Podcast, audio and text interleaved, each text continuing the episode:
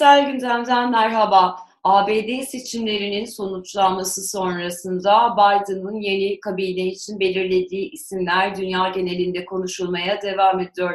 Biden'ın kendisi kadar Dışişleri Bakanlığı koltuğunu teslim edecek ismin de Türkiye-ABD ilişkilerine etki etmesi bekleniyor. Profesör Doktor İlhan Uzgel ile birlikte bu hafta Biden dönemiyle birlikte nasıl bir yol izleyeceği merak edilen ABD Türkiye ilişkilerinin geleceğini konuşacağız. Hocam hoş geldiniz. Merhaba, hoş bulduk. Hocam e, Biden seçildikten sonra kabinesi için isimler atamaya başladı. Tüm dünyada olduğu gibi e, merak edilenlerden bir tanesi de e, Dışişleri Bakanlığı koltuğuna kimin oturacağıydı. Nitekim Hillary Clinton'ın Dışişleri Bakanlığı yaptığı dönemde yardımcılığı görevini üstlenen Obama döneminden tanıdığımız Anthony Blinken Dışişleri Bakanı e, adayı olarak e, ilan edildi. Senatodan geçecek tabii ki bu isimler. E, siz Biden'ın bu atamasını da dikkate alarak Türkiye-ABD ilişkilerine dönük e, ilk soruda bir genel ne söyleyebilirsiniz? Bizi ne bekliyor? Sonra Türkiye'nin iç dinamiklerine bakalım. Evet, e, yani şöyle birkaç nokta var. Hani nasıl tartışıldığına bakalım. Bir, yani şöyle bir alışkanlık var ve bundan artık biraz kurtulmak gerekiyor. Yani Amerika'daki siyasetçileri Türkiye yanlısı ve Türkiye düşmanı gibi hani böyle bir kategorizasyona gidiliyor. Hani bu doğru bir şey değil. Hani şöyle şu olabilir. Şimdi e, mesela Ermeni nüfusunun seçmenin yoğun olduğu bazı eyaletlerden iç politika kaygılarıyla bazı diyelim siyasetçiler, bu senatör olur, temsilciler meclisi üyesi olur ya da işte Amerikan yönetimine yakın isimler olur. Bunlar hani biraz daha Türkiye'ye yönelik eleştirel hani söylemlere sahip olabilirler falan ama şimdi Amerika ile Türkiye'nin hani kurulmuş bir ilişki dinamiği var. Amerika'nın Türkiye gibi bir sürü ülkeyle kurduğu ilişki dinamiği var. Hani buradan bakmamız hani daha sağlıklı oluyor. Ve esas mesele Erdoğan yönetiminin e, Biden'ı e, nasıl karşılayacağı. Şimdi e, yani Türkiye'de sağ siyaset e, özellikle hani Erdoğan yönetiminde biz bunu çok daha net gördük. Hem içeride hem de dışarıdaki hani dönüşümün kokusunu hızlı alıyor. Burada zaten hani öyle bir koku almaya da gerek yok. Hani hızlı Biden'a kayı kaydı. Yani Biden'ın seçildi. Dolayısıyla da bu tür adaptasyon şeylerinde, süreçlerinde e, çok hızlı hareket edebiliyor e, Erdoğan yönetimi. Yani öyle bir pragmatizmi var biliyorsun. Hani e, yani hızla Trumpçı oldular. Hızla şimdi Biden'cı hani olma ihtimalleri var. Hatta işte biliyorsun haberler geliyor.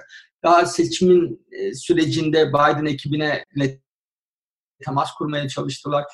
Ee, şimdi lobi faaliyetleri aracılığıyla, lobi kuruluşları aracılığıyla hani Biden yönetimine ulaşmaya çalışıyorlar. Yani Biden'dan dost çıkarmaya çalışabilir. Fakat şimdi bunun içinde e, bir iki şey e, yani e, Amerikan siyasetinin hani Biden'ın temsil ettiği Demokrat Parti daha küreselleşmeci diyelim. işte bunun öğelerini artık biliyoruz. Ve Trump'ın temsil ettiği ve en üst noktasına ulaşan hani insan haklarını yani demokratikleşme konularını tamamen göz ardı eden yani böyle bir şey olmamıştı aşağı yukarı. Ee, dış politika olmamıştı. En azından Carter'dan bu yana hani bunu biliyoruz. Ee, ve küreselleşmeden biraz daha çekilen korumacı bir siyaseti savunan hani Trump yönetimi vardı. Şimdi ve bu dünya siyasetini de etkiliyor, Amerikan dış politikasını da etkiliyor. Şimdi bizim normalde beklediğimiz şuydu. Erdoğan yönetiminin daha Biden göreve başlamadan yani 20 Ocak'tan önce bir ön alıcı reformizme girmesi ki hani Biden baskısıyla bunu yapıyor gibi gözükmesin. E, dolayısıyla da hani Biden yönetiminden yeni yönetim iş başına geldiğini, göreve başladığında e, zaten Türkiye AKP iktidarı hani bu hazırlıklarını biraz göz boyayıcı, boyayan, hani kozmetik dediğim e, biraz hani vitrin çalışmalarını yapsın. Bu böyle siyaset böyle de gidiyordu dikkat edersen. Hani en üst ağızlardan işte Erdoğan, Adalet Bakanı, e, konu muhatabı e, İbrahim Kalın hem e, içeride reform hem e, Avrupa Birliği hem de Amerika'ya yönelik e, sıcak mesajlar vermeye başladılar. Hatta bundan önce yani ekonomi cephesinde İşte Merkez Bankası Başkanı görevden alındı, Berat Albayrak görevden alındı, yani de istifa etti, ettirildi her neyse. Ve piyasa dostu, hani küresel sermayeye çok sıcak mesajlar verildi ve biz hani bu mantığı bırakmayacağız dendi. Erdoğan faize karşıyım dedi, ertesi gün e, faiz arttırımı yapıldı falan. Yani bir şekilde aslına bakarsan hem iktisadi olarak hem e, iç politika e, dönüşümü hem de dış politikada Erdoğan kendisini Biden yönetimine e, hazırlamaya başladı. Ve o göreve başladığında hazırlanacaktı bu reform. Fakat bu burada işte araya bir şey girdi biliyorsun ve e, bu bütün bu süreç neredeyse işte İbrahim Kalın Brüksel'e gitti. Görüşmeler muhtemelen bir pazarlık yaptılar. Bir, bir, bir ihtimal o pazarlığın başarılı sonuçlanmamış olabilir, olması olabilir. Ama ne konuşulduğunu tam olarak bilmiyoruz. Fakat bir sertlik yani arka arkaya Navtex açıklamaları geldi. İlginç bir şekilde reform e, söylemi birdenbire işte Arınç ya e, görevden şey durumdan vazife çıkardı ya da onu bir öne sürdüler. Hani sen bir yokla e, şeyi tepkileri diye balon patlat balon şişir bakalım patlayacak mı diye baktılar e, ve patladı. Hani dolayısıyla da e, şimdi siyasetin genel gidişatına baktığımızda AKP iktidarının hani bizim hani bunları yapmasını, yani buradan devam etmesini bekle, beklerdik. Bu şey değil yani AKP'den bir demokratikleştirici e, aktör yarattı, bir beklentimiz olduğundan değil. AKP'nin tekrar hani Türkiye'yi yeniden bir demokratikleşme rayına sokacağını düşündüğümüz için değil. Yani iktidarının dış e, koşullarını sağlamak için, sermaye güvence vermek için falan yani bunu bekliyorduk. Fakat burada bir kesinti oldu. Hani bu kesintinin de neden olduğunu zaman içinde muhtemelen göreceğiz. Tabii ki bu konuların çok spekülasyon yapıldı. Ama e, en azından şimdi başlangıç olarak burada ileriye gidemedi AKP yönetimi. Burada, burada bir sorun var ve bu sorunla e, baş etmek zorunda kalacak. Ya da benim tahminim e, mesela yani siyasetin gidişatı bize şunu gösteriyor. Yani normalde Kavala Trump döneminde e, hapse atıldı ve Biden döneminde çıkması gerekir. bu öncesi mi sonrası mı? Yani normalde beklentimiz bu olurdu. Demirtaş gibi değil çünkü Kavala. Yani Demirtaş dedim mi arkasından bir Kürt sorunu geliyor. Kavala meselesi öyle değil. Yani Türk toplumunda karşılığı Toplum neden Kavala'nın yani AKP seçmenine sorsan doğrudur. Kavala neden hapiste olduğunun farkında bile değildir. Hani hangi gerekçeyle, hangi iddiayla falan. Dolayısıyla da hani böyle bir şey yani göstermelik ama etkisi olan AKP açısından da maliyetinin düşük olduğu birkaç hamle bekliyorduk doğrusunu istersen. Bunun olup olmayacağını göreceğiz. Ama hocam bir yanıyla da şu dikkat çekici değil mi? Yani hani evet dediğiniz gibi Demirtaş daha yüklü bir e, sorunun e, sonucunda şu anda oraya e, rehin tutulmuş, oraya konulmuş durumda. Öte yandan Osman Kavala hani dediğiniz gibi toplum açısından Demirtaş'a göre hem daha az biliniyor hem neden içeride olduğuna dönük gerçekten insanlar bir şey bilmiyor. Zaten adli süreçte buna bir türlü karar verebilmiş değil. Onlar da bir gerekçe bulamadılar ama e, iktidar ortağı yani Cumhur İttifakı'nın e, ortağı e, bu iki ismi de e, yani Kavala'yı dış güçlerle işbirliği yaparak hani Türkiye'yi e, dönüştürmeye ya da hani darbe yapmaya çalışan biri gibi e, gösterdi. Şimdi buna rağmen yapabilir mi Erdoğan? Yani bu dış politikadaki sıkışmışlığı e, karşı tarafa anlatabilecek mi? Yani Bahçeli'ye anlatabilecek mi?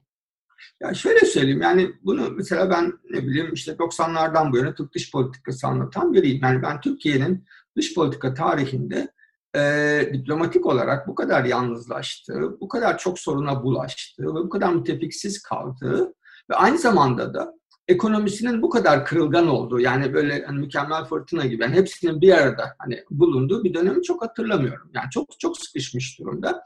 E, şimdi yani hiçbir siyaset aslına bakarsan akıllı siyaset aynı anda hem Avrupa'yı hem Amerika'yı karşısına almaz.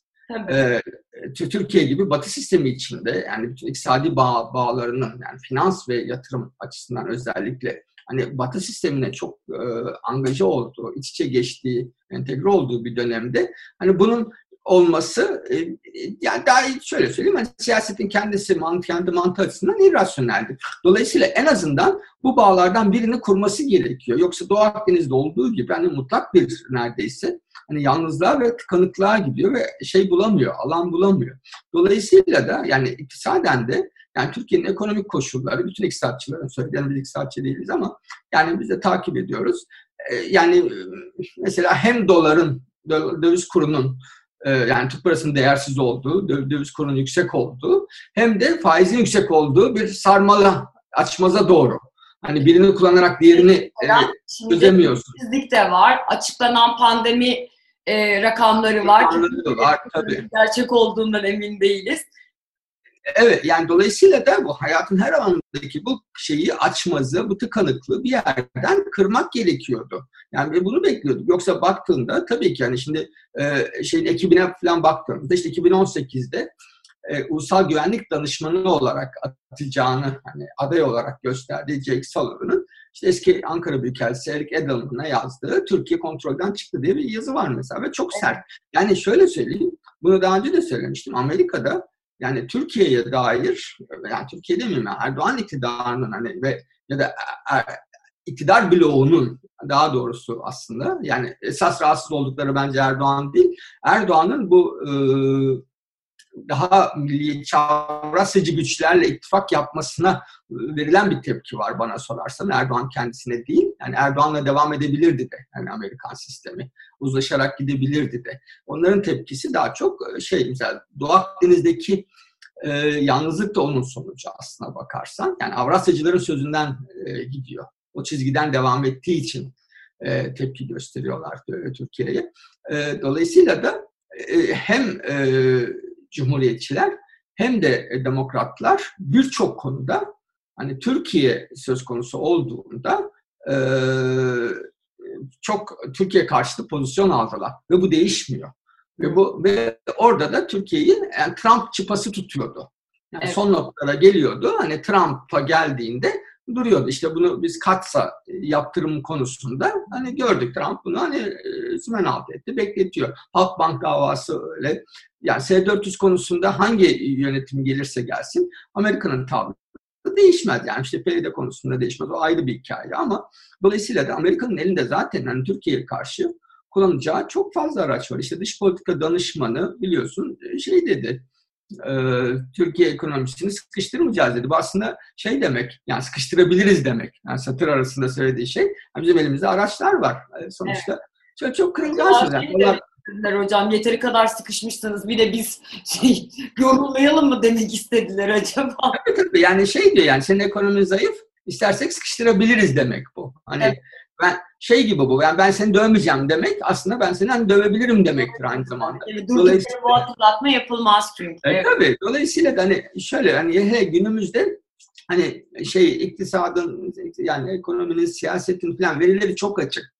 Yani çok net. Yani bir rapor okuyorsunuz. Yani neredeyse hani bir Türkiye Ankara'da bir hani bir büyük diyelim haber ajansının gazetenin şeyi gibi Ankara temsilcisi yazmış kadar e, detaylı şey, şey yazıyor Amerikalı bir, bir, bir uzman bakıyorsunuz. Dolayısıyla da her şeyin farkındalar yani çok iyi görüyorlar, çok iyi takip ediyorlar. Açık çünkü hepsi yani sosyal medyadan şeye kadar falan hani istihbarata kadar belki. Dolayısıyla da yani çok bu tıkanıklığı, Amerika ile ilişkilerdeki tıkanıklığı aşacak bir şey bulması lazım, bir araç bulması lazım. İşte geçmişte e, Trump'la birebir şey kurdu, hani iletişim kurdu. Araya damatlar faktörü girdi. Bunun hatta çok uzun New York'tan haberini yaptı. Üç damat üzerinden falan. Şimdi bu araçlar yok. Yani bu araçlar bunu bir şeyle telafi etmek zorunda Erdoğan yönetimi. Bunu da bakın biz dünyadaki şu imajını düzeltmek e, şeydi. Daha düşük maliyetli işte Kavala'nın bırakılması, birkaç hani görüntüde reform yapılması, belki birkaç kayyumun bırakılması vesaire hukuk reformu falan dedi. Ortada bir şey yok. Hani dolayısıyla da hani bu e, normalde bizim bildiğimiz, beklediğimiz hani Erdoğan siyasetine, pragmatizmine e, uyan bir şey de değil. Çünkü iktidarını uzatacak her şeyi yapmayı göz alacak bir e, şeydi. E, iktidarda kalmasının koşullarının iç ve dış e, zemini var. E, burada bir sanki taktik şey yaptı ya da stratejik bir hata mı diyeyim ya da tercihte mi bulundu? Bunu zaman içinde göreceğiz. Hani siyasetin gelişimine göre. Ee, iç dinamiği dış dinamiğe tercih etmiş gibi duruyor şu anda. Ee, yani Avrupa ve Şimdi 10-11 Aralık'ta da şey var biliyorsun. Hani Avrupa evet. Birliği zirvesi var ve Türkiye'yi bu sefer şey yapacaklar ve çok e, sert bir mesaj da verdi Almanya Türkiye'ye evet. çok açık bir şekilde. E, dolayısıyla da bu hani ben onları yani dış e, dinamik iktidarda kanunun dış dinamiklerini şu anda erteliyorum. Şu iç iç cephedeki e, şeyimi, zeminimi e, sağlamlaştırayım ya da bu zemini kaybetmeyeyim diye e, bir tercihte bulunduğu gibi bulunmuş gibi duruyor. Ama buradan hani ne kadar uzaklaşacak, e, yeni bir hamlesi daha gelecek mi? Bunu zaman içinde göreceğiz. Yoksa hani dış dışarıdan dışarıya baktığımızda e, Avrupa ve Amerikan cephesinde e, şey iyi değil. Hani durumu çok iyi değil. Bu şey değil. Şöyle söyleyeyim. İşte e, Türkiye çok önemli bir ülke. Türkiye'yi kaybetmek istemez. Yani Türkiye'nin kapasitesini yani böyle bir şey söz konusu değil Amerika için. Amerika Türkiye'yi kaybetmez zaten. Türkiye o kadar bağımlı hale getirildi ki AKP döneminde. Türkiye'nin gidecek bir yeri yok. Türkiye'nin ihtiyaçlarını Rusya'nın karşılamasına imkan yok. Yani bu ekonomik bağımlılığı bu bu. Hani... hocam görmüştük. Ee, özellikle Kasım Süleymaniye dönük e, suikast gerçekleştirildiğinde sizinle küresel gündemde konuşmuştuk. Normalde İncirlik'ten yapılmasını beklediğimiz atağın e, Irak üzerinden yapıldığı aynen, aynen. jeopolitik o sürekli Türkiye jeopolitik olarak vazgeçilmez söyleminde de bir aşınma e, olduğundan bahsetmiştik. Üstelik Trump dönemindeydi bu yapılırken de. Tabii, yani yedekler Türkiye'yi hani şöyle e, ya Erdoğan kaybedince Türkiye'yi kaybetmiyor. Hani böyle bir yanılsama içine girmeye başladı hani e, bence gözlemciler. Dolayısıyla hani siyaset e, bir sürü şeye açıktır e, Türkiye'yi kaybetmez. Hani böyle bir Türkiye'yi kaybetmek gibi bir derdi yok. Hani aman Türkiye'yi hani Türkiye çok önemli bir ülke hemen ilişkileri düzeltir. Evet görünürde düzelir gibi görünür hani ilk başlarda. Ama dediğim gibi elinde çok araç var ve bunlardan bir tane Halk Bankı bir tek kullansa bile e, Türkiye ekonomisini şu an çok büyük yani doları bir, bir lira bir buçuk lira daha artsa buna şeyin e, dayanma gücü e, kalmadı ekonominin. O yüzden de e, şey olarak yani Türkiye e, iktisadi ve batı ile ilişkilerinde e, eğer Erdoğan bir önlem almazsa daha da kırılgan bir e, yola doğru gidiyor. Anladım. Çok teşekkür ederim hocam. Hem genel olarak ABD-Türkiye ilişkilerinin serencamını diyebileceğimiz şekilde aktardınız hem de Türkiye'nin e, dikkat etmesi gereken noktaların altını çizdiniz. Profesör Doktor İlhan Uzger'le birlikte bu hafta ABD'nin yeni başkanı Joe Biden'la birlikte Türkiye-ABD ilişkilerindeki beklentilerimizi konuştuk. Türkiye iç siyasetindeki dengeleri, Türkiye ekonomisindeki kırılganlığı, jeopolitik vazgeçilmezlik söylemindeki aşımayı da dikkate alarak Türkiye'yi zor bir dönemin beklediğinin altını çizdik. Bizi izlediğiniz için teşekkür ederiz. Hoşçakalın.